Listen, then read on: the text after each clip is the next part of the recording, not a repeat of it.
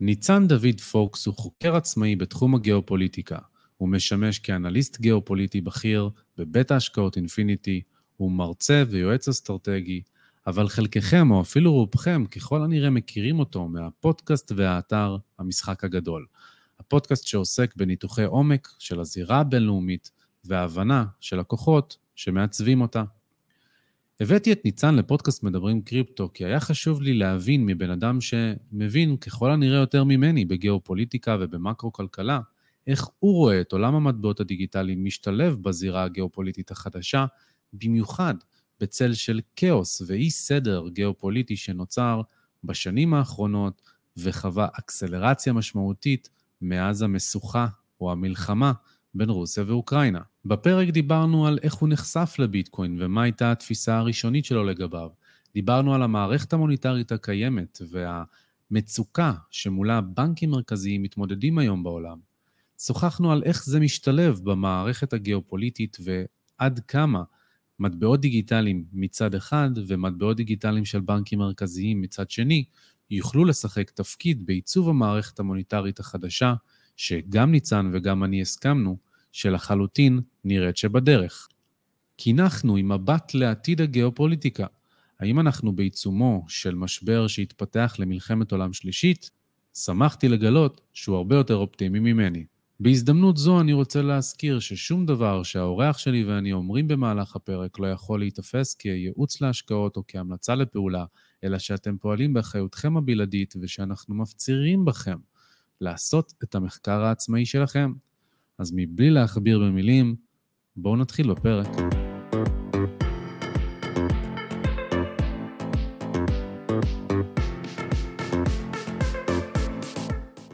ניצן דוד פוקס, מייסד המשחק הגדול, ברוכים הבאים לפודקאסט מדברים קריפטו, מה שלומך הבוקר?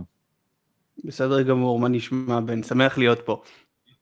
מעולה, מעולה, כיף גדול. אה, כמו שאמרתי גם בפתיחה, אני אה, עוקב אחריך כבר תקופה ארוכה ונהנה מהתכנים.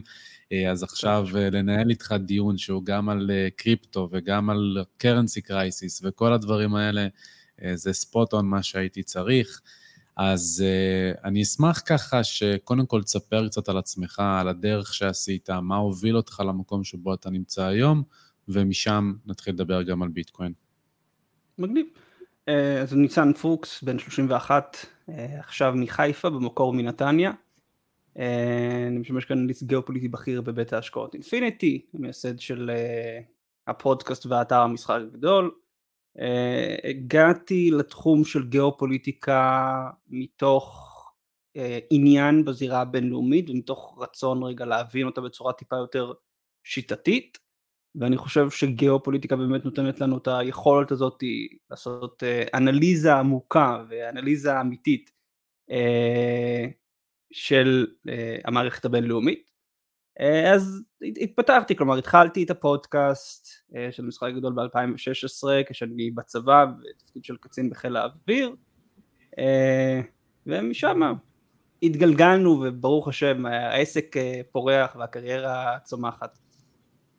אז למעשה הפודקאסט התחיל לפני בית ההשקעות אינפיניטי או שזה כן, כן. התחלת קודם כל כאנליסט? הפודקאסט בעצם הביא אותי לתודעה של אינפיניטי, של uh, המייסד והיושב ראש uh, הנוכחי אמיר אייל, uh, שהוא גם מאוד מתעניין בתחום הזה של גיאופוליטיקה, של יחסים בינלאומיים, ועל הבסיס הזה התחילה בעצם האינטראקציה והשיתוף פעולה שהגיע עם התפקיד uh, כאנליסט גיאופוליטי בכיר. מגניב מאוד. זה מאוד מזכיר את מה שהיום הרבה יותר פופולרי, שהמיתוג האישי למעשה מסייע כמקפצה משמעותית לאנשים, זאת אומרת, אה, ביצירת תוכן בפלטפורמות מסוימות באמת יוצרות להם הרבה מאוד הזדמנויות, בין היתר אה, גם עבורי. אה, סבבה, בוא, בוא נשאל למעשה את השאלה שכל האורחים הראשונים בפודקאסט נשאלים, בסופו של דבר מטבעות דיגיטליים כבשו את העולם בסערה, ו... הם מביאים אותנו למקום הזה שבו נוצר הדיסוננס, יש את הקיצונים מצד אחד שבאים ואומרים זה הונאה, זה פשיעה, זה כל הדברים הרעים שהאנושות יכולה לחשוב mm-hmm. עליהם. מהצד השני יש את המקסימליסטים נקרא לזה, שכבר רואים את זה בתור דת ו- ולוקחים את זה בתור האלטרנטיבה המוחלטת למדיניות, למדיניות ממשלתית כלשהי. ויש הרבה מאוד באמצע. אז אני אשמח לשמוע קצת מתי אתה נחשפת לראשונה למטבעות דיגיטליים, מה חשבת על זה בהתחלה, והאם הדעה שלך השתנתה עם הזמן. אני חושב שאולי התחלתי לשמוע על מטבעות דיגיטליים אה, כבר בתקופת הטכניון, אני חושב, 2014, 2013, כשאולי התחילה העלייה הראשונה של הביטקוין. אה, ומאז, שוב, מפעם, מפעם לפעם אני שומע על זה, כמובן בתקופה האחרונה שומעים על זה יותר, בטח עם אה, הירידות שמתרחשות בשוק, כחלק מכל התזוזות שיש לנו בכלכלה העולמית.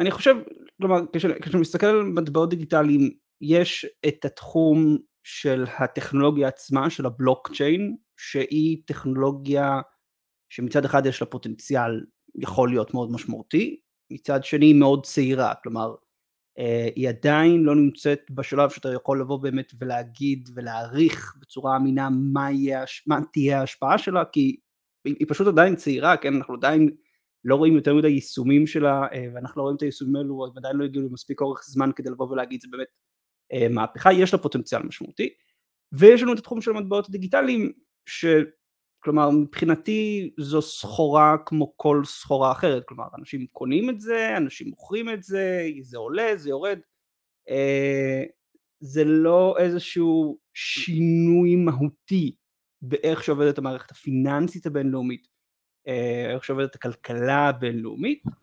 אה, אולי זה יכול להשתנות בעתיד, כרגע אבל באמת אני לפחות רואה את זה כסקטור שהוא בעיקר בעצם סחורה, סחורה ביטקוין הוא סחורה דיגיטלית, אני קונה בזול, מוכר ביקר, או מחזיק עד שזה יגיע לירח.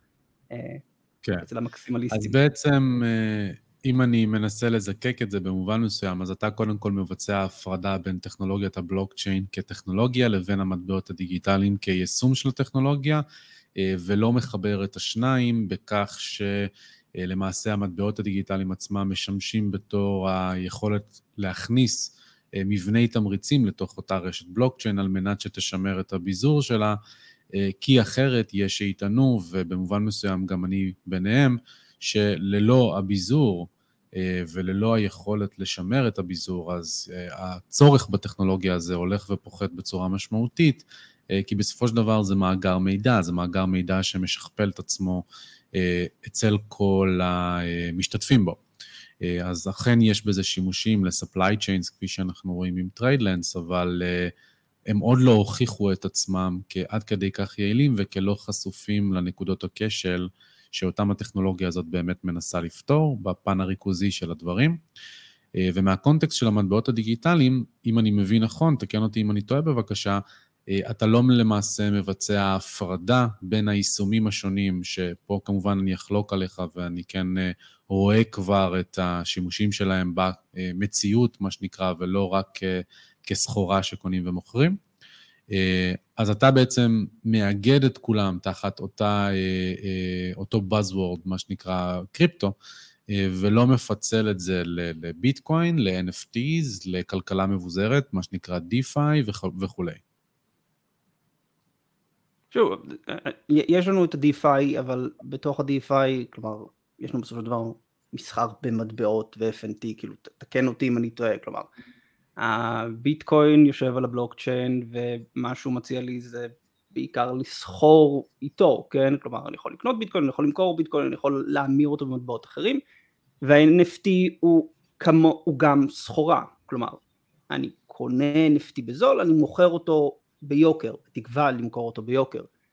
אה, אז כאילו מהבחינה הזאת של ההסתכלות הזאת, שוב כל, כל הפונקציות האלו הן פונקציות של מסחר בסחורה, הסחורה יכולה להיות הבעלות על קוף משועמם והסחורה יכולה להיות uh, ביטקוין או אתר או uh, לונה או whatever אבל בסוף הפונקציה הבסיסית שלי זה שאני רוצה למכור בזול, לקנות בזול למכור ביוקר. הבנתי אותך. אוקיי, בסדר גמור. בוא, בוא נעשה את הקפיצת מדרגה לנושא שבאופן אישי אני יכול לומר שהוא זה ש...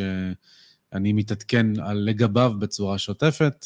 אה, קצת אה, לתת רקע לפני שאנחנו צוללים לתוך זה, למעשה אה, אני אשמח גם לשמוע את התיאור שלך לעניין, אבל אנחנו נמצאים היום בסוג של מערכת מוניטרית שהגיעה למקום חסר תקדים, למעשה בנקים מרכזיים ברחבי העולם מוצאים את עצמם, מתמודדים מול סיטואציות שהם לא התמודדו מולם בעבר, כשהמצב דה פקטו הוא שהחוב הממשלתי כמעט בכל מדד אפשרי שנמדוד אותו, וכמובן שאני מתייחס בעיקר לכלכלות המפותחות, החזקות, לארצות הברית, ליפן, לאירופה וסין, אה, הגיע לממדים עצומים, הן כאחוז מהתוצר, הן במגזר הפרטי, ומנגד, אה, לראשונה מזה תקופה מאוד ארוכה, אנחנו באמת חווים את האינפלציה לפי מדד, מדדי מחירי הצרכן, אה, וזה למעשה המקום שבו הבנק המרכזי, מתוקף תפקידו לשמור על היציבות המוניטרית, אמור להעלות את הריבית, כפי שהם עושים כיום, אך מצד שני זה שם את הממשל במלכוד שבו, ואת הבנק המרכזי עצמו שמחזיק בה הרבה מהחוב הזה, כי הוא זה שצריך לעמוד בתשלומי הריבית, אה, וזה כמובן, אה, יש אנליסט מאוד מוכר, שאני לא יודע אם אתה מכיר אותו, לוק רומן, שבא ואומר שהבנקים המרכזיים מנסים לרכוב על סוס אחד עם שני ראשים לאותו כיוון. זאת אומרת, זה או להילחם באינפלציה, להעלות ריבית, וכתוצאה גם להביא ממשלות לפשיטת רגל מבחינתו, או אה, מהצד השני, אה, אה, לא להילחם באינפלציה, לתת לה להשתולל ולא להביא לפשיטת הרגל. אז הייתי שמח mm-hmm. לשמוע ממך, קודם כל, האם אתה מסכים שזה מצב חסר תקדים, וב', אם נחלק את זה לאזורים באמת הגיאוגרפיים החשובים בעולם, שזה ארה"ב, אירופה ויפן בעיקר, בפן המוניטרי של הדברים, איך אתה רואה את, את מלחמת המטבעות שקורית היום? אה, בהחלט המצב חסר תקדים מבחינת האחוז חוב לתמ"ג שיש לנו, אה, אחוז חוב לתמ"ג הממשלתי, גם בכלכלות המפותחות גם בכלכלות מתפתחות. אה, מבחינת אבל מלחמת המטבעות, בדרך כלל כשמדברים על מלחמת מטבעות, רוב הזמן זה היה ניסיון של כל מדינה לבצע פיחות של המטבע שלה מול הדולר, כדי לקבל איזשהו יתרון תחרותי בסחר העולמי. היום מה שאנחנו רואים זה מלחמת מטבעות שבה כל, או הרבה מדינות מנסות דווקא לחזק את המטבע שלהן מול הדולר המתחזק, שמוסיף להן אינפלציה. אה, ואנחנו גם רואים שיש הבדלים, כלומר, ב... ב, ב אה, האינפלציה בין אזורים שונים, כלומר בארצות הברית זה בהחלט נראה כמו אינפלציה שהיא יותר מובהקת אינפלציה מצד הביקוש, כלומר יש ביקוש פרטי חזק שדוחף את האינפלציה למעלה. לעומת זאת ביפן ובאירופה האינפלציה יש לה אלמנט משמעותי של שיבוש באספקה, בעיקר של האנרגיה, שמקפיץ אותה אה, למעלה, וכל, ו, ומול סוגים שונים של אינפלציה יש לך תגובה שונה.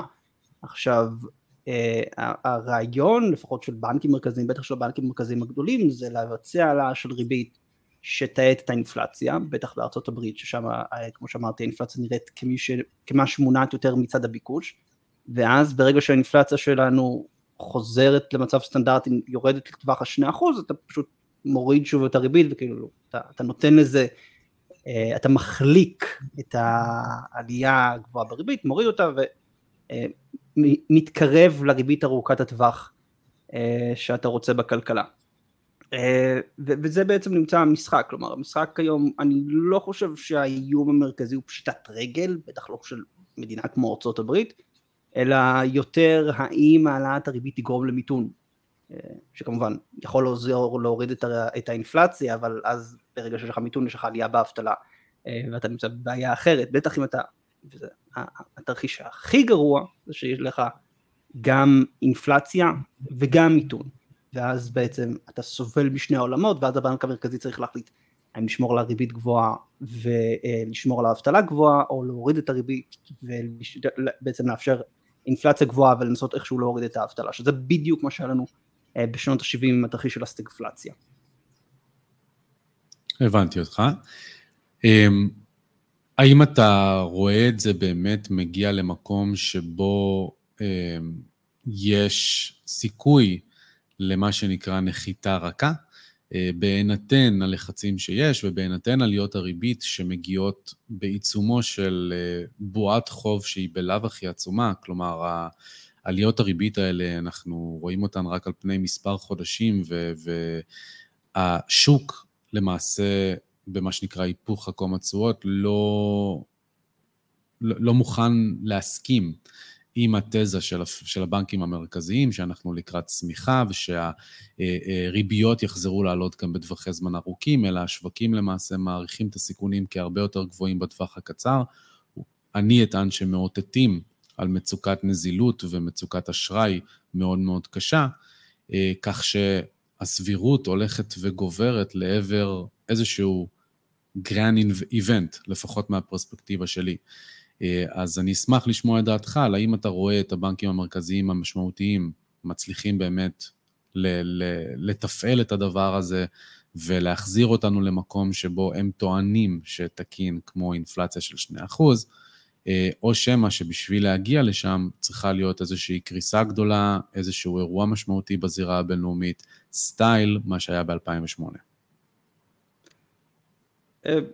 תראה, שוב, המיקוד שלי הוא כאנליסט גיאופוליטי, כלומר, אתה שואל אותי, האם, מה הסיכוי שהם יצליחו לבצע soft landing, אין לי שמץ של מושג, כאילו, אתה יודע, אני מסתמך על אנליסטים כלכליים אחרים, אני לא חושב שהבנק המרכזי עצמו יודע אם הוא יצליח, אז כאילו, אתה, אתה שואל אותי, מה האופציות, כאילו, מאיפה אני גוזר, האופציות מבחינתי זה או שהם יצליחו עם soft landing, ואז, או שהם uh, יחטיפו מיתון לכלכלה האמריקנית ולכלכלה העולמית, שזה פחות טוב, כמובן, אה, או שאנחנו מקבלים תרחיש של סטגפלציה, אוקיי? שזה גם אה, מיתון וגם אינפלציה. אני אמחיש אז אה, ברשותך, אני אמחיש למה בעצם אני חושב שיש לזה חשיבות מאוד גדולה בזירה הגיאופוליטית. בסופו של דבר, בחודשים האחרונים, במיוחד בצל המלחמה ברוסיה ואוקראינה, אנחנו רואים את השיח משתנה לעבר הקמת מטבע רזרבה אלטרנטיבי, סטייל הבריקס, מה שפוטין ושי ג'ינפינג הצהירו לפני מספר שבועות.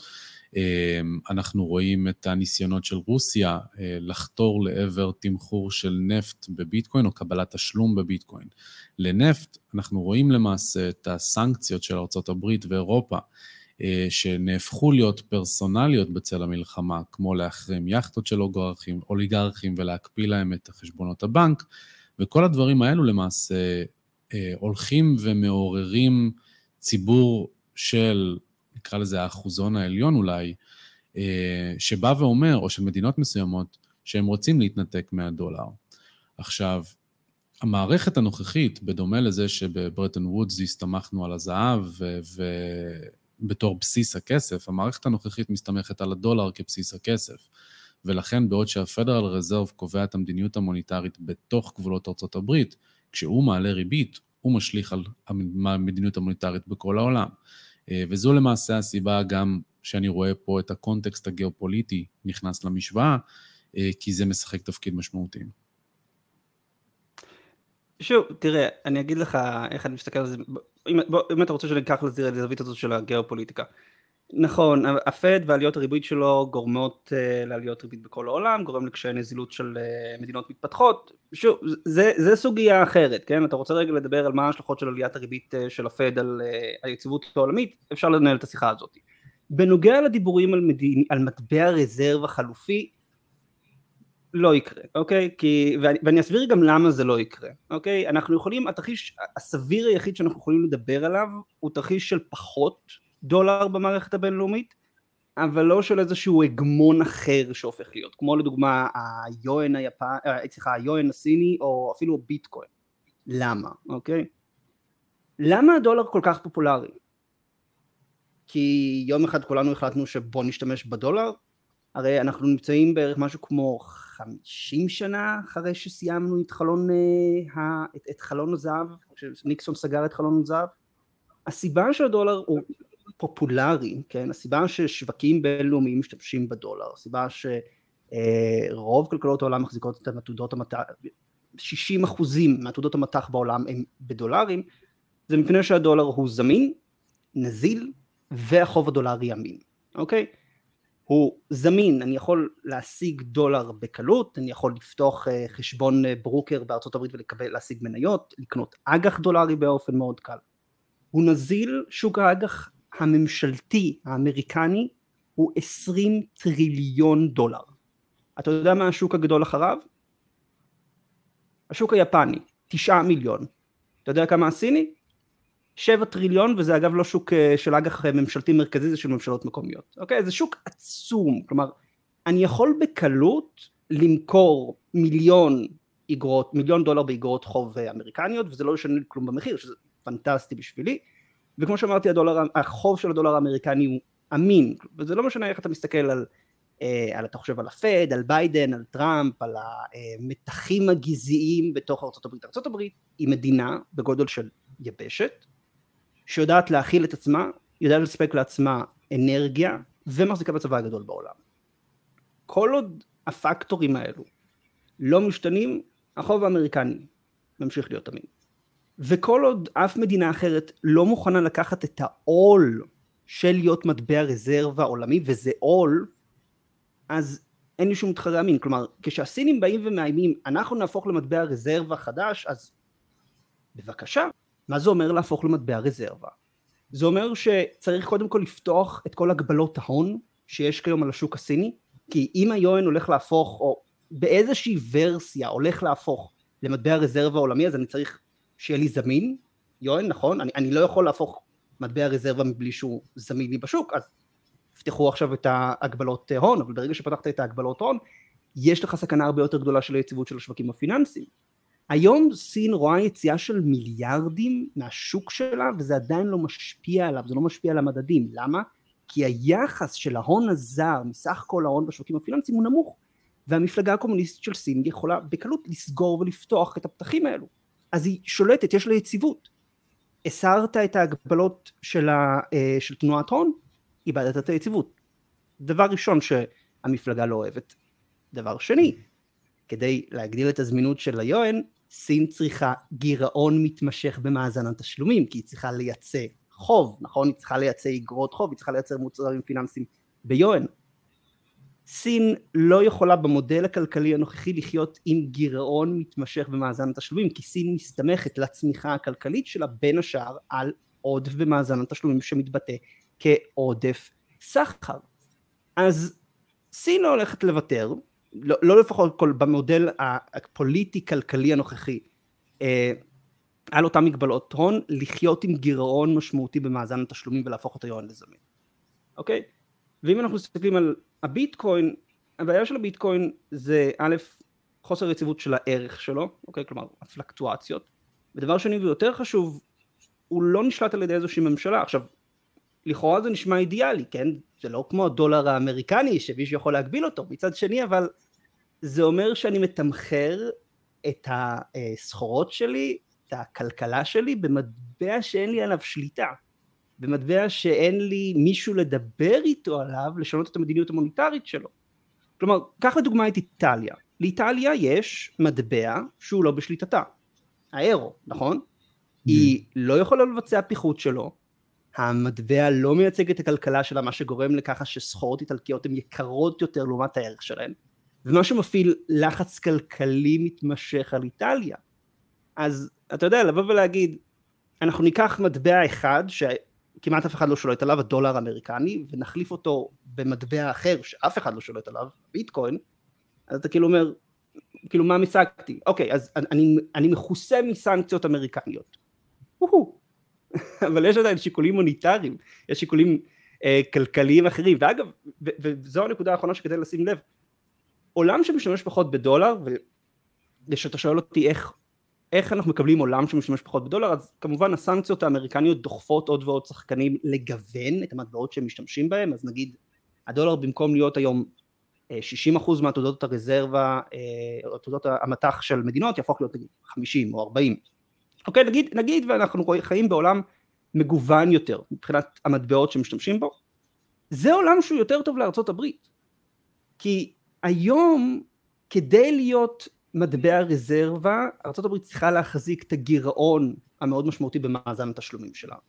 וגם מפני שהיא מטבע רזרבה זה עוזר לממשלה, לממשלה הפדרלי להיות לא אחראי פיסקלית, כי הוא יודע שהוא יכול להמשיך להדפיס כסף ויקנו את החוב. ודבר שלישי זה הורג את התעשייה האמריקנית.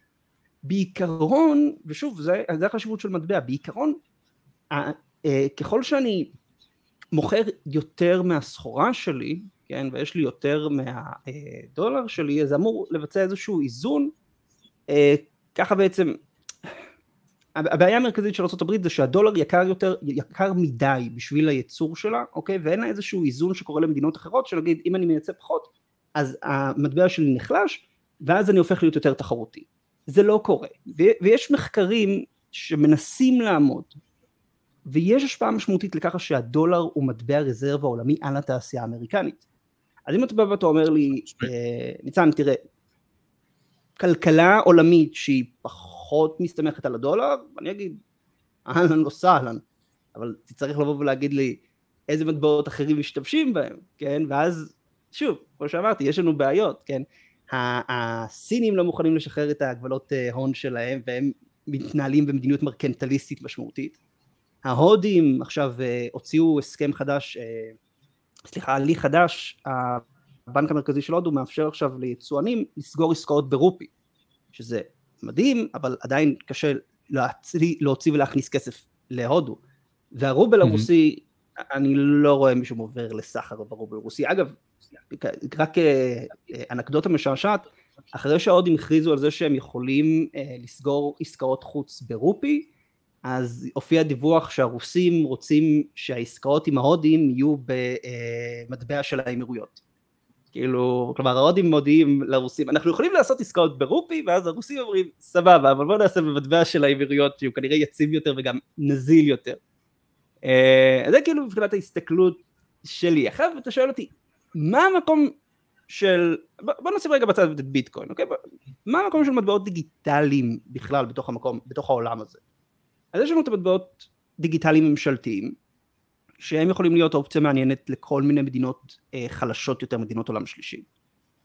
ויש לנו, אולי אפשר לחשוב על איזשהו תרחיש שבו אה, מטבע דיגיטלי כלשהו שהוא יציב יותר, יכול לשמש לסחר בתוך גושים, גושים בעיקר אנטי אמריקניים.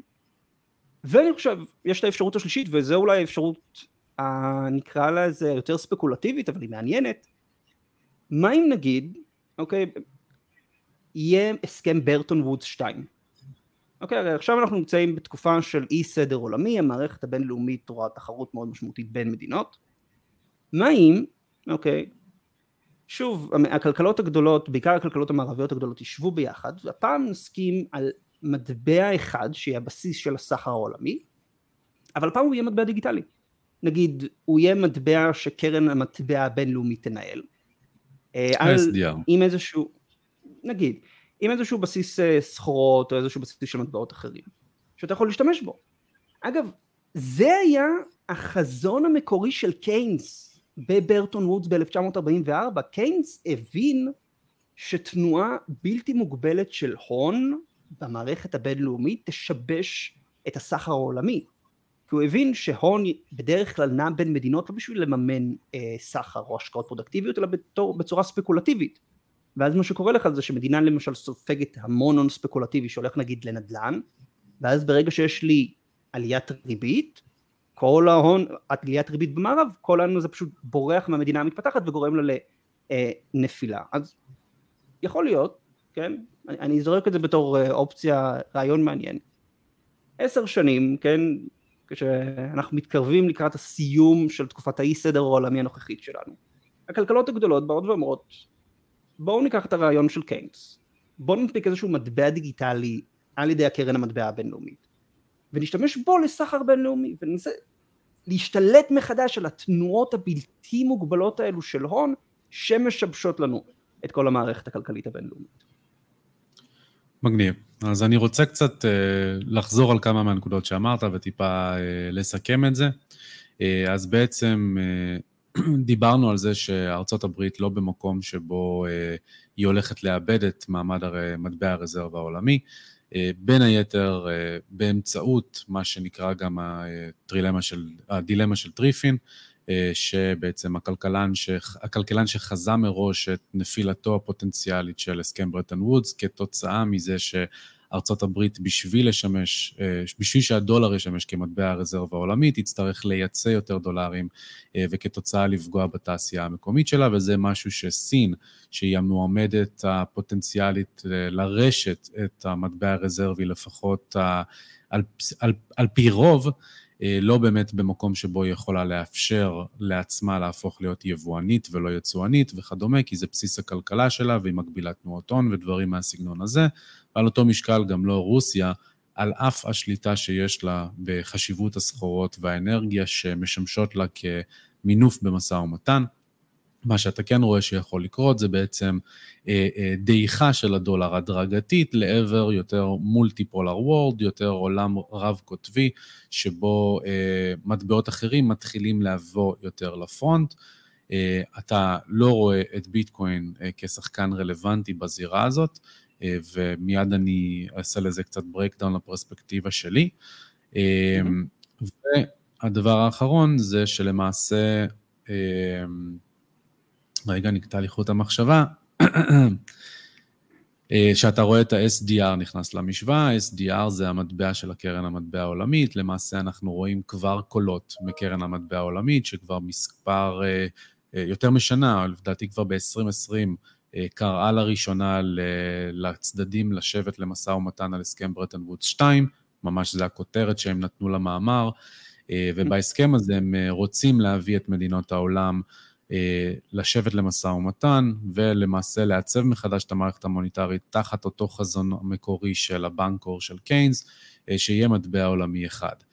אה, כמובן שבסיפור הזה יש הרבה מאוד חורים, המטריד יותר מביניהם זה שבשביל שנהיה במקום שבו צריך לשבת למשא ומתן על SDR ודברים מהסגנון הזה, ככל הנראה שזה יגיע רק אחרי איזושהי מלחמת עולם או איזשהו אי סדר גדול יותר שמאפשר לאחד מהצדדים, לדעתי, להכתיב תנאים, אבל... כן, אבל כן. תכף נגיע לזה, כי אומר, אני כן רוצה... לנו פשוט, היה לנו פשוט את הסכמי פלאזה ב-1985, שבה ארצות הברית כאילו אמרה לגרמניה, יפן, הכלכלות הגדולות שנמצאות תחת החסות הביטחונית אה, שלה, כאילו, תבצעו איזשהו פיחות, אה, ייקור במטבע בשביל לעזור אה, לנו. כלומר, אני לא חייב שתהיה מלחמת עולם כדי שארצות הברית ועוד מדינות יביאו שהמערכת הבינלאומית הנוכחית לא עובדת. אגב, אנחנו רואים, וזה, וזה, וזה שוב נקודה שכדאי לשים לב אליה, אנחנו רואים עוד לפני המלחמה באוקראינה ועוד לפני הקורונה מגמות של, אתה יכול לקרוא לזה דה-גלובליזציה, או יותר, אני אוהב לקרוא לזה מודיפיקציה של הגלובליזציה, שמדברת על להחזיר משרות ייצור לארצות הברית, שמדברת על uh, uh, חיווט מחדש וסידור מחדש של שרשרות האספקה העולמיות ככה שיהיו פחות חשופות לסין. Uh, כלומר אנחנו כן רואים שנים לפני, כן, גם אנחנו רואים את זה עם טראמפ, את ההבנה הזאת שהמערכת הבינלאומית הכלכלית הנוכחית לא טובה ליצרן האמריקני. ואנחנו רואים גם את ממשל טראמפ, גם את ממשל ביידן, אה, מדברים על זה שהם רוצים מדיניות כלכלית ומדיניות חוץ שטובה לאמריקני העובד. לא סחר חופשי יותר בלי הגבלה, לא יותר אה, לפתוח את הגבולות למוצרים, אלא מדיניות חוץ ומדיניות כלכלית לאמריקני העובד. וכחלק מזה, והנגזרת של זה אומרת איכשהו למצוא דרך להחליש את הדולר ולמצוא דרך אולי להגיע להתקרב לברטון ווד 2. ואתה יודע, מפני הברית היא השחקן הצבאי הגדול ביותר בעולם. ורוב הכלכלות הגדולות בעולם תלויות בה לשם ביטחון, אז יש לה מקל מאוד ארוך שהיא מביאה לשולחן המשא ומתן שיכול להביא אותנו לשם. וזה אני לא אוהב, אני לא אוהב את הדיבורים האלו לקטסטרופה, קטסטרופה היא אופציה, אין ספק, כאילו יש נקודות חמות בעולם שהשם יעזור לנו אם הם יתפוצצו, אבל כאילו אתה יודע, בוא נישאר פתוחים, יכולה להיות גם לא קטסטרופה ושיפור, מחזיקים אצבעות. כן. אמ, הלוואי והייתי יכול לשמור על אותה רמת אופטימיות כמו שלך, אבל אני מעדיף את החלק הזה לשמור לעוד כמה דקות, כי כן חשוב לי לתת את הפרספקטיבה שלי פה על ביטקוין, אה, כדי שגם אתה תתחיל להכניס את זה אולי אה, לשיקולי הגיאופוליטיקה שלך, אבל בסופו של כן. דבר, כשאנחנו מסתכלים על אה, ביטקוין ומטבעות דיגיטליים כמכלול, מדובר במערכת מוניטרית חדשה אלטרנטיבית, שמאפשרת למשתמשים בה להעביר ערך לכל מקום בעולם בכל שעה ביום ללא אף גורם מתווך. וחשוב יותר מכל, אה, ללא צורך באמון. שזה למעשה אומר שאם אנחנו חוזרים למה שהתחלנו איתו את הדיון, של מה אה, ישמש בתור מטבע חזק או מטבע רזרבה, שהוא mm-hmm. מצריך את הנזילות, את היציבות ואת האמון, אנחנו הולכים ורואים את האמון הזה נשחק, ונשחק בצורה מהירה, לא רק מצד האזרח כלפי הבנקים המרכזיים, שמגיעים יותר, שזה מגיע יותר לשיח, שבו מפסיקים להאשים בהכרח את הפוליטיקאים ומתחילים להסתכל יותר על ג'רום פאול אה, ועל קרן המטבע העולמית ועל הבנק המרכזי האירופי ועל הצעדים שהם מבצעים, כך שהאמון מצד האמריקאים נשחק, במיוחד אה, לאור מצד אחד האינפלציה ולאור מה שהשוק מעריך כפיבוט קרוב, שאם פתאום למרות הטרמינולוגיה של הבנקים המרכזיים הם יצטרכו לשנות את המדיניות בחזרה להורדת ריבית, זה על אחת כמה וכמה יכול להיות break point מסוים מצד האזרח כלפי אה, המוסד. מעבר לזה, בפן הגיאופוליטי של הדברים, אה, לפחות מתוקף הלמידה שלי, שאנחנו כן נמצאים בעולם של כאוס או בעולם של בלגן גיאופוליטי שבו יש פחות אמון אפילו בקרב בעלות ברית ולא רק בקרב אה, אויבות או צירים שונים, אז הסחר הולך למקום שבו אה, התלות צריכה להיות ב, ב, ב, איך הערך מועבר בכמה שפחות בצד השני. ביטקוין הוא הפתרון האולטימטיבי עבור זה. אין פה שום counterparty risk, אתה משתמש במערכת מוניטרית שלא תלויה בצד השני ומאפשרת לך, גם אם כתחנת ממסר, כתחנת מעבר, להעביר ערך למקום אחר, אה, מבלי שתצטרך לשים את האמון שלך באף אחד. אה, אני חושב שהערך של זה הוא עצום, ושאנחנו כבר מתחילים לראות את הערך הזה בא לידי ביטוי, כמו גם ברוסיה, אה, שבצל המשבר אה, עם אוקראינה באמת דיברה על זה שהיא הולכת לאפשר תשלומים בביטקוין עבור ייצוא אנרגיה מתוך המדינה. התשלומים האלה כמובן לא יהיו בעלי תנועות הון פתוחות, אלא הם ייאלצו להגיע מהקוראים לבנק המרכזי, כמו שעושים גם באיראן, כדי שיוכלו לשלוט לפחות בכלכלה הפנימית. אבל כלפי חוץ זה יוצר כאן אה, אה, זירה חדשה, מוניטרית, אה, כזאת שמשמשת כתחליף שבניגוד ל-SDR של קרן המטבע העולמית, לא מצריך את ההישענות אה, על אמון של ה counterparty risk.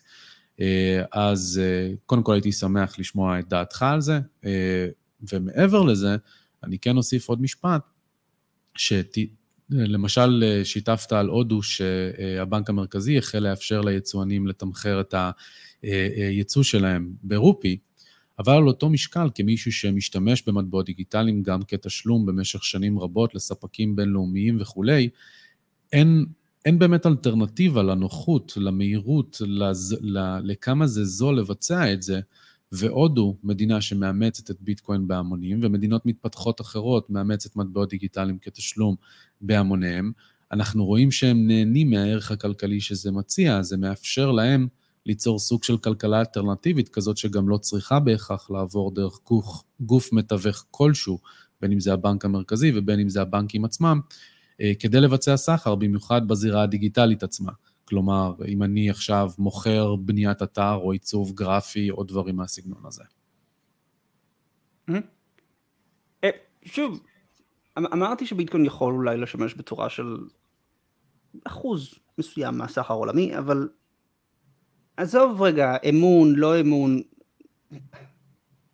אני מתמחר את הכלכלה שלי בביטקוין, אוקיי? אני מוכר היום אה, ספה למישהו, אוקיי? עלתה אתמול עשרה ביטקוין, נגיד, וביחס למטבע המקומי, ופתאום בתוך שנה הערך של הביטקוין מול המטבע המקומי איבד 70 אחוז. זה... שינוי מטורף. קודם כל זה כבר קורה להם עם המטבע המקומי, אה, בגלל זה אנחנו רואים אותם גם מוכנים לשלם את הפרמיות הדולר לא ירד ב-70 אחוז, הדולר התחזק, כלומר הדיבורים האלו על זה שמאבדים את האמון בדולר, השוק לא מראה את זה, מה שהשוק מראה זה שאם אני, אם, אם אני מעלה את הריבית בארצות הברית, כל הכסף בעולם רוצה לקחת אג"ח דולרי. זה, זה, that's a fact, אין, אין פה, אין פה שאלה. עכשיו, שוב, אני חוזר על הנקודה הזאת, מה ההבדל בין כלכלה עם ביטקוין, מה ההבדל בין איטליה עם ביטקוין לבין איטליה עם אירו? כן. ברגע שיש לי משבר כלכלי. כן, ההבדל הוא משמעת. אה, ביטקוין משמע. מכניס משמעת למערכת המוניטרית. אה, דבר ראשון, אה, אנחנו עוד לא במקום שבו אנחנו נתמחר דברים באמצעות ביטקוין, כי אנחנו עדיין תלויים ונשענים במערכת המוניטרית הקיימת, אנחנו עדיין תלויים ונשענים בדולר, או יותר נכון ביורו דולר, שהיום ב... במעמד שלו ובגודל שלו פשוט מגמד את שוק הדולר עצמו, שהפדרל רזרב מסתכל עליו בקביעת המדיניות שלו. מדובר כאן בתהליך ארוך שנים, תהליך שככל הנראה יתחיל מהאדם הקטן ולא מהממשל, והוא זה שיאלץ את הממשלות כן לשמור על תקציב מאוזן, כן להתנהל באחריות, כן לשמור אה, כסף בצד למקרים שבהם יש משבר כלכלי וצריך לסייע למגזרים שונים בעס, ב, ב, אה, בכלכלה. ברור שמה שאני מתאר כאן זה איזושהי אוטופיה שאנחנו רחוקים מאוד ממנה. אה, אבל למעשה השליטה הזאת בכסף, אני אטען ורבים כמוני, אה, היא זו שאפשרה בכלל להביא אותנו למקום שבו החוב הממשלתי, עוד לפני שהכנסתי את ההתחייבויות הממשלתיות, כמו פנסיות תקציביות וביטוח לאומי, אה, הגיע לממדים שבו זה מגיע, וזה שוחק לא רק את מעמד הביניים שמבחינתי לא קיים פרקטית כאחוזים משווי הכסף, אלא גם את ההזדמנויות של הדורות הצעירים יותר לקנות נדל"ן אה, ולהשתלב בצורה טובה יותר בכלכלה. אז המקום ממנו אני באופן אישי מגיע הוא מקום שבו תחרות בשוק הכסף היא הכרחית אה, כדי לאפשר לזעזועים הגיאופוליטיים שאנחנו חווים היום להיות הרבה פחות משמעותיים בחיים שלנו. שוב, אה, כאילו, אוקיי, זה, זה טיעון, אתה יודע, עוד 50 שנה נחזור לפודקאסט ונגלה מי, מי צדק, כאילו באמת, שוב, אני פשוט חושב, נגיד, יש לי מדינה, וואטאבר, בוא, בוא ניקח לנו מדינה היפותטית, אה, ויהיה, ניקח את מיקרונזיה, אוקיי? בוא נגיד למיקרונזיה שלנו עובדת כולה בביטקוין, אוקיי? מיקרונזיה שלנו לא עלינו, סובלת, חטפה גם אה, סופה טרופית, גם אה, צונאמי, הכלכלה עכשיו על הקרשים. בדרך כלל הבנק המרכזי של מיקרונזיה מוריד את הריבית שלו כדי לתמרץ ולעודד את השוק. מה הוא עושה כשכל הכלכלה היא ביטקוין? הוא מלווה ממישהו? הוא מבקש מהבנק המרכזי של הביטקוין? כן. הוא מנפיק איגרות אז... חוב בביטקוין? כאילו, אתה, אתה מבין את הבעיה שלי? כן. העניין שלי, כאילו, אנחנו, אנחנו מדברים כאילו על השלב שבו אתה אומר לי, הביטקוין יהפוך איכשהו לצורה מאוד משמעותית ואז כאילו הממשלות יתיישרו אבל אני שואל זה, אוקיי אבל למה שהממשלות יתיישרו כי כרגע כשאני שולט על הכסף שלי אני יכול לנהל את המדיניות המוניטרית שלי. אני יכול גם לשלוט בזרימות של הון פנימה והחוצה. שוב כמו שאמרנו זה אחת הבעיות שבין השאר פוגעות בכלכלה ומשבשות כלכלה. אה, ואגב נקודה אחרונה שכדאי לשים לב אליה כשהמדינה מזהה איום על הכוח שלה המדינה מטפלת באיום הזה, היא משתלטת עליו, היא מבצעת רגולציה, היא דוחה חלק מהדברים. אה, אז כאילו, אתה יודע, אז אם אתה מתאר בעוד 50 שנה אה, תרחיש אפשרי שבו למדינה יהיה פחות כוח, אז כנראה שהמדינה תגיד, אוקיי, אם זה בעוד 50 שנה, אז בוא עכשיו נגביל את האפשרות. לא, אולי הם יוכלו לשרוד טיפה בביטקוין ודברים כאלו, אבל בסופו של דבר אנחנו נשלוט אה, בשוק הזה ככה שהוא לא יוכל לאיים על הכסף. וכמובן, האופציה האחרונה כמו שאמרנו, זה מטבעות דיגיטליים ממשלתיים כתשובה למטבעות אה, דיגיטליים פרטיים. מעולה. אה, אז קודם כל, אני אבוא ואגיד שאין עדיין מודל אה, כלכלי שלפיו אפשר לומר ככה זה יעבוד. אני באופן אישי יכול לומר שאני חושב שזה יעבוד בצורה שונה בכל מקום אחר בעולם. כלומר, אני לא טוען שביטקוין הולך להחליף לחלוטין מטבעות ממשלתיים. אני הולך, אני טוען okay. אוקיי. במקומות החשובים בעולם, אה, כמו המדינות המפותחות, הוא הולך לשמש הרבה יותר כמשמעת לפוליטיקאים חסרי אחריות או לבנקאים מרכזיים שלא כל כך יודעים מה הם עושים, במדיניות המדיניות, הניהול המדיניות המוניטרית שלהם, בזה שלאזרח תהיה את האלטרנטיבה ללכת עליה ואת המשמעת, ובניגוד לחוק המזומן שאנחנו רואים והולכים אה, ורואים בדיוק את אותו כוח ממשלתי מנוצל לעבר שליטה באותן תנועות הון, בטענה שזה במלחמה בהלבנות הון ומימון טרור, כשדה פקטו למעשה אה, זה שלילת חופש במובן מסוים באופן שבו אני רואה את זה, כי זה לא מאפשר לאזרחים להיות אחראים על הכסף של עצמם ולהחזיק כסף שללא counterparty risk. יהיו מדינות שבהן האמון בממשל בלאו הכי אבד והאימוץ של המטבע הדיגיטלי, בין אם זה ביטקוין ובין אם זה מטבע דיגיטלי צמוד דולר, כלומר כזה שנשען עדיין על אותו counterparty risk, אבל זמין ונגיש ונזיל הרבה יותר, כפי שאנחנו כבר רואים שקורה במדינות מתפתחות כמו אה, ארגנטינה, ששם האימוץ של מטבעות דיגיטליים צמודי דולר מאוד מאוד גבוה, אז אנחנו נראה את ה balance בין הדברים האלה. אנחנו נראה את היכולת של האזרחים לעבור בצורה נזילה מהמערכת האלטרנטיבית למערכת הנשענת על ה counterparty risk כמו הדולר וחזרה. וכשזה מגיע למדיניות, ניהול, למדיניות מוניטרית פנים-מדינתית של אותן מדינות, כמו הדוגמה שציינת על מיקרונזיה, בסופו של דבר צריך לבוא ולומר בכנות שיש מדינות שסובלות בלאו הכי מ... אה, נקרא לזה, מצב שבו אין, לא, לא משנה מה נעשה, הן יהיו בחסר, כי אין להם משאבי טבע, כי כוח העבודה שלהם לא מספיק טוב ולא מספיק מחונך וכולי, אז נקודת הפתיחה שלהם היא בלאו הכי מאוד מאוד גרועה. ולכן, אי אפשר לבוא ולהגיד בכלכלת ביטקוין, אה, כלכלת ביטקוין תשנה הכל. היא לא תשנה את הכל. Mm-hmm. היא תאפשר אבל ליצור סחר מכיוונים חדשים ולבחון כלכלה מסוג חדש שמסתמכת יותר על מוצרים ושירותים של דברים דיגיטליים לצורך העניין, מאשר פחות משאבי טבע וכולי, ותאפשר inflows גם של מטבעות דיגיטליים צמודי דולר של מדינות מפותחות וגם של ביטקוין, אה, שאגב, אני גם רואה אותו בקונטקסט הזה, בדיוק כמו שבנקים מרכזיים מחזיקים זהב, אני רואה אותם מחזיקים ביטקוין כעתודות מטח. כלומר, כ- כמשהו שאין לו את ה counterparty risk, ובעוד שהוא לא אה, יוצר איזושהי תשואה שכל הזמן רודפים אחרי התשואה הזאת, אה, הוא מאפשר את הביטחון ואת האמון במערכת האלטרנטיבית שלא תלויה בצד השלישי. אבל ציינת מטבעות דיגיטליים של בנקים מרכזיים, אז הייתי רוצה באמת ש, שנקפוץ לשם, זה באמת אה, משהו שצובר תאוצה בשנתיים האחרונות. ראינו את סין משיקה את היואן הדיגיטלי, ראינו אה, בנקים מרכזיים ברחבי העולם נמצאים במקום כזה או אחר, במחקר, בפיתוח, בהשקה של פיילוט. אה, אז הייתי שמח לשמוע מהפרספקטיבה שלך מהם מטבעות דיגיטליים של בנקים מרכזיים. במה הם שונים ממה שיש לנו היום, ואיך אתה רואה אותם משתלבים בזירה הגיאופוליטית. אה, מטבעות דיגיטליים ממשלתיים הם, כלומר, היום רוב הכסף שנמצא במחזור הוא גם ככה אה, כסף דיגיטלי, כן? כלומר, רוב, הדולרים שיש בכלכלה הם לא באמת אה, שטרות. אבל מה שכן אה, יש ומה שההבדל באמת יהיה זה שבמטבע הדיגיטלי הממשלתי המטבע הכסף שלי נגיד בארנק יהיה ישירות בבנק המרכזי, באיזשהו ארנק אה, וירטואלי. אמ, וזה פותח לנו אה, אופציות שונות לאיך אפשר, כלומר לשינויים בארכיטקטורה של אה, מערכת הפיננסית.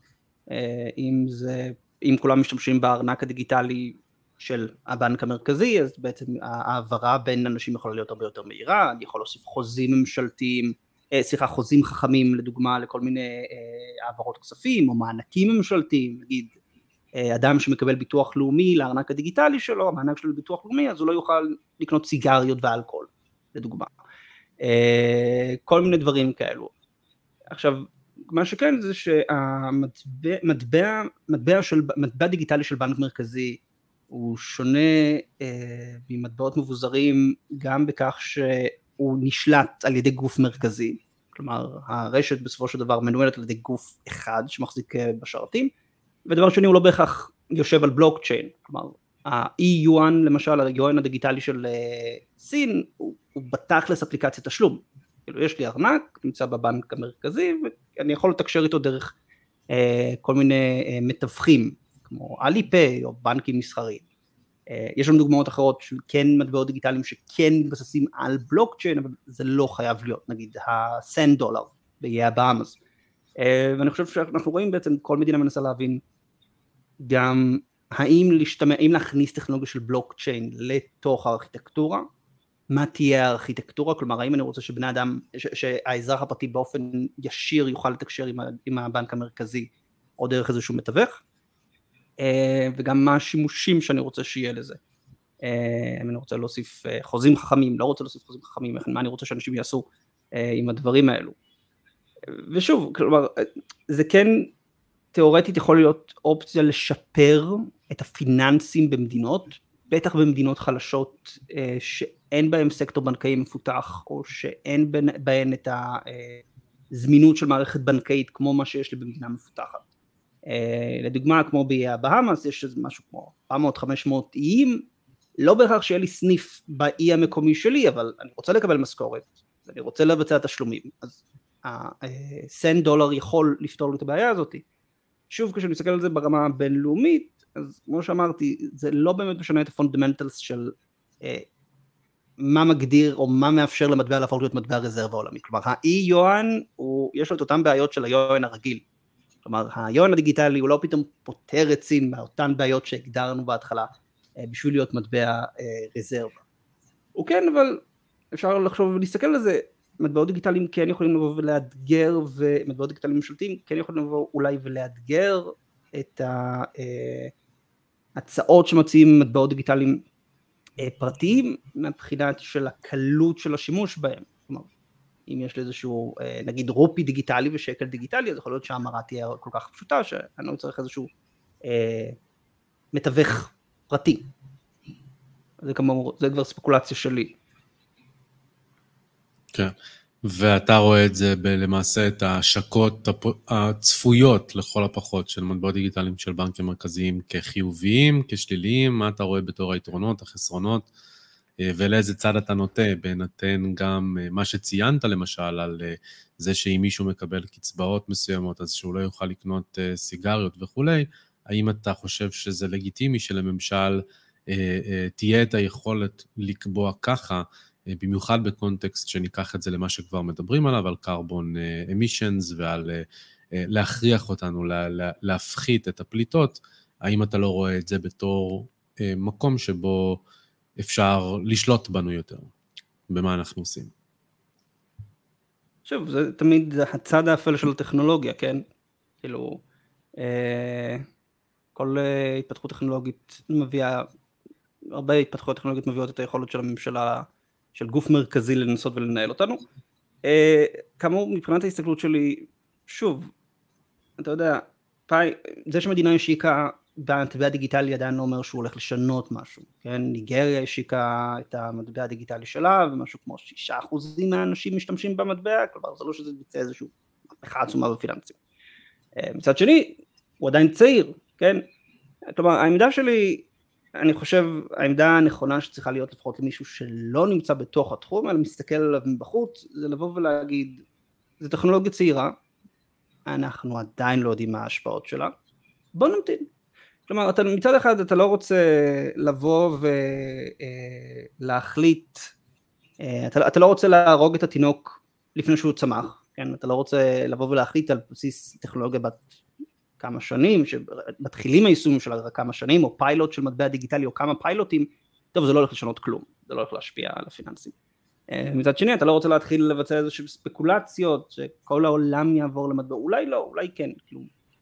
בסוף אבל המטבע הדיגיטלי הממשלתי, לפחות מהסתכלות שלי, הוא בעיקר משפיע על פיננסים בתוך המדינה, ואולי על הסחר שלה עם מדינות אחרות, תלוי אה, ביכולת של הממשלה לקדם שיתופי פעולה עם מדינות אחרות.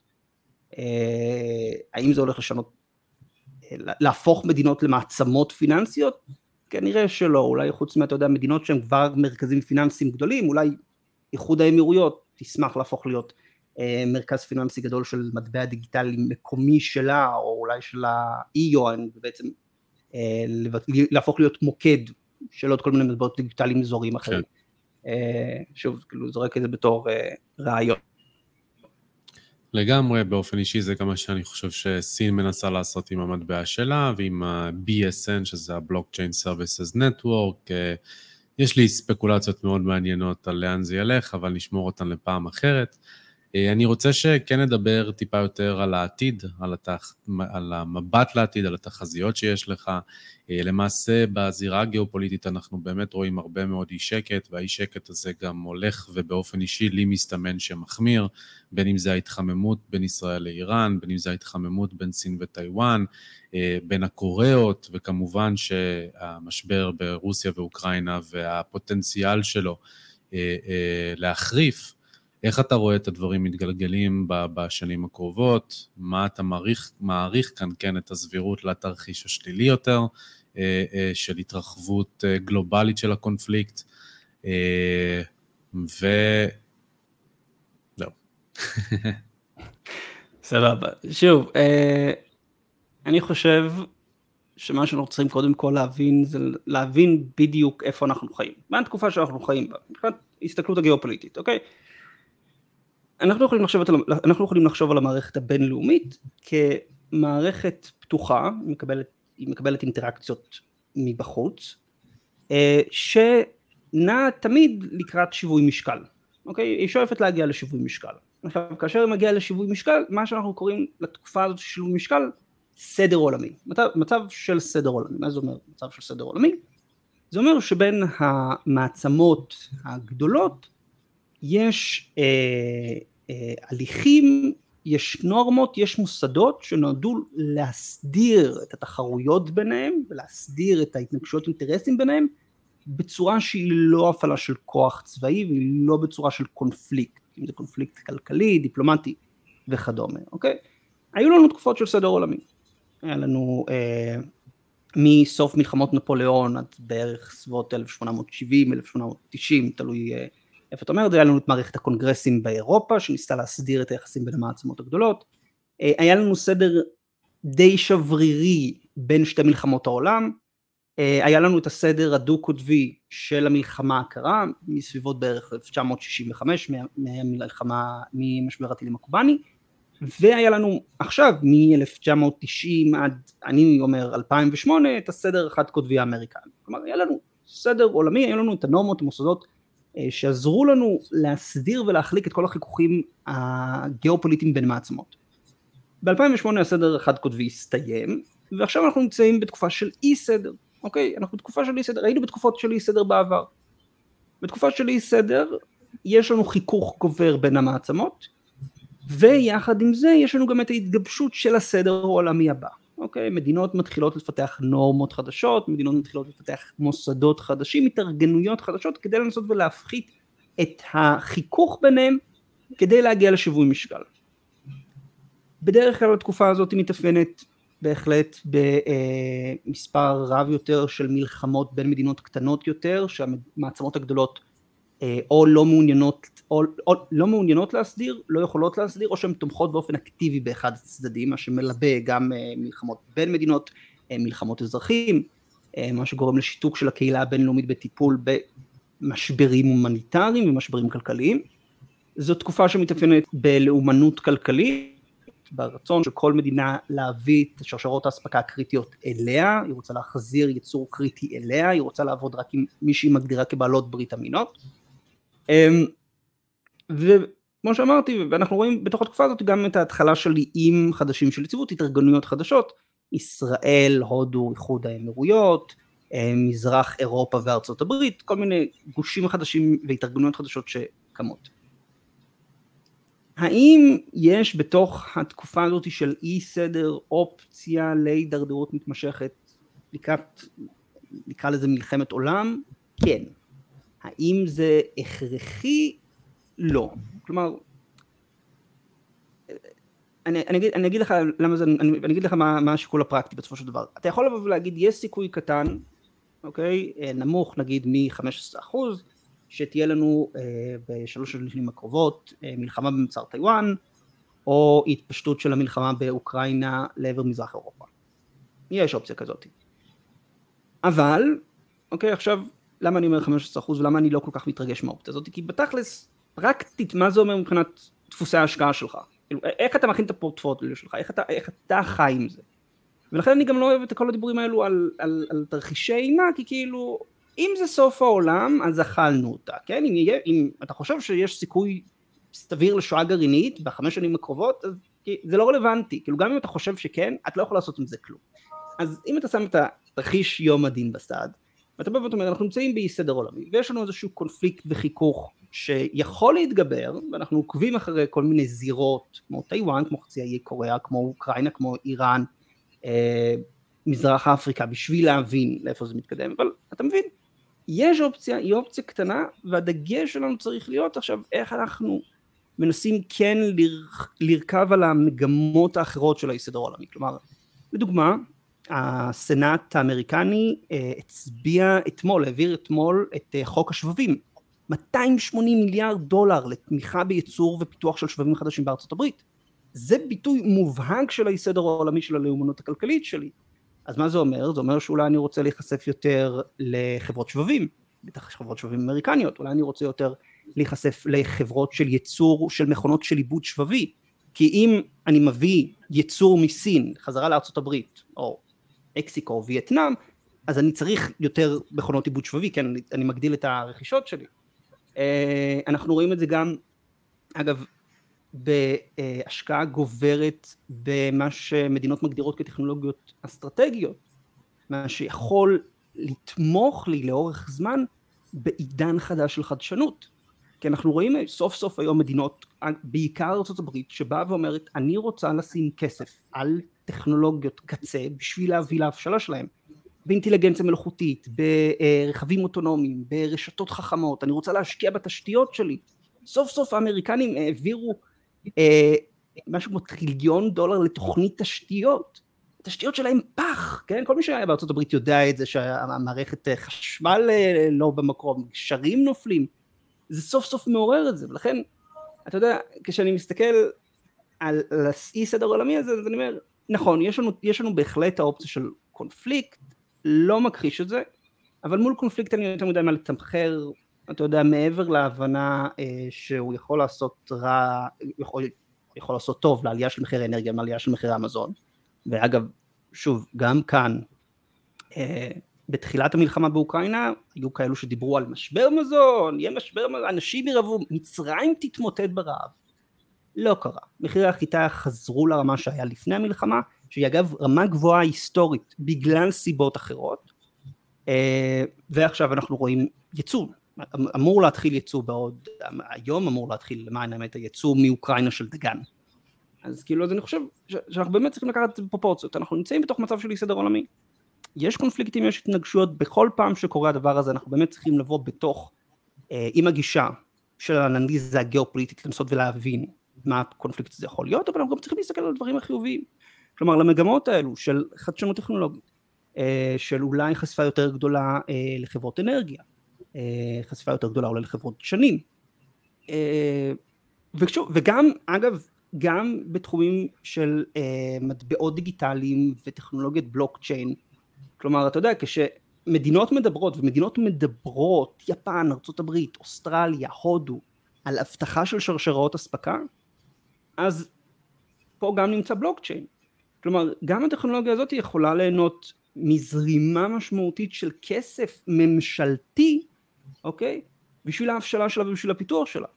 ולכן, אם אתה שואל אותי בסוף, אם אני מסתכל על העשור הקרוב, אני אומר, יהיה משוגע, אוקיי, הולך להיות, הולכות להיות התנגשויות, אנחנו הולכים, הולך להיות נסיעה, אבל אני באמת חושב שיש סיכוי טוב שהעולם יסיים במקום הרבה יותר טוב ממה שהוא עכשיו. וזה, וזה נראה הזוי, כן, אנחנו נמצאים בכל מיני משברים וכל מיני דברים כאלו, אבל בסופו של יום משבר הוא הזדמנות. וברור לכולם שהמצב הנוכחי של המערכת הבינלאומית הוא כבר לא בר קיימא. אז אנחנו זזים קדימה. אנחנו זזים קדימה, הנסיבות מכריחות אותנו לזוז קדימה, אבל אני באמת באמת חושב שאנחנו צריכים לשים את הדגש דווקא על הצד החיובי, ובגלל זה, שוב, טיפה שיווק עצמי, כן?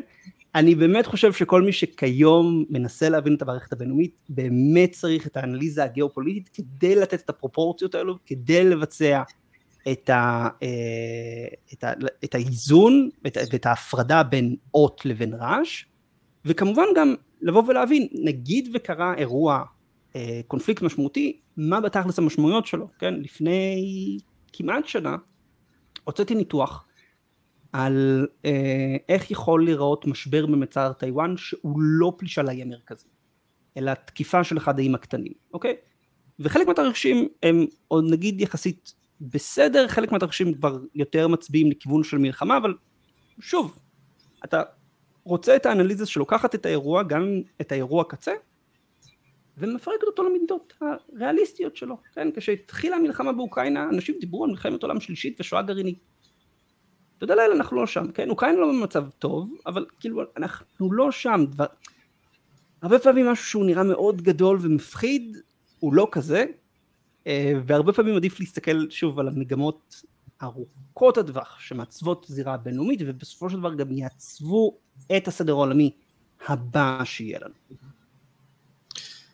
ניקח מהאופטימיות הזאת ונהנה ממנה. אה, אה, אני כמובן כן מסתכל על זה באותו אופן, ולצערי יותר פסימי לפחות על העשור הקרוב ממך, ורואה כאן מגמות ארוכות טווח קצת שונות, במיוחד בקונטקסט של המערכת המוניטרית, אבל נשאיר את זה עם הנימה אופטימית. אה, ניצן היה פשוט אדיר. אה, איפה אפשר למצוא אותך למי שרוצה לעקוב אחריך בטוויטר, במשחק הגדול, איך מחפשים את האתר? חפשו ניצן דוד פוקס בטוויטר, או חפשו משחק גדול, אתם יכולים לחפש גם את המשחק הגדול בכל אפליקציית פודקאסטים אה, שאתם מאזינים לה. למשחק הגדול יש גם מועדון מנויים עם ניתוחים שבועיים שיוצאים אחת לשבוע, דיברנו גם על מטבעות ממשלתיים, השבוע אנחנו מדברים אוקיי, אתה רוצה טיפה פסיביות, אז אולי משבר פיננסי אפשרי בסין בגלל אה, חרם המשכנתאות אה, שקורה שם, מטורף. אז אני מזמין את כולם כמובן לבוא ולהצטרף, חפשו או משחק גדול, ניצן דוד פוקס, גם בגוגל, אני אחת התוצאות הראשונה, אני חושב שהתוצאה הראשונה. מגניב מאוד. תודה רבה ניצן. תודה רבה בן. אם אהבתם את הפרק ואתם רוצים לשמוע עוד על מטבעות דיגיטליים ואיך הם משתלבים בזירה העולמית ובעתיד של האינטרנט של הכסף, נשמח לראות אתכם מדרגים אותנו באפליקציות השונות שבהן אתם מקשיבים, כדי שנוכל להגיע לכמה שיותר אנשים, וכמובן, תעקבו אחרינו כדי שתקבלו עדכונים על הפרק הבא. מוזמנים גם לבקר באתר שלנו, www.cryptojungle.co.il, שם יהיה לכם המון המון מידע למתחילים ולמתקדמים כאחד. נתראה בפרק הבא.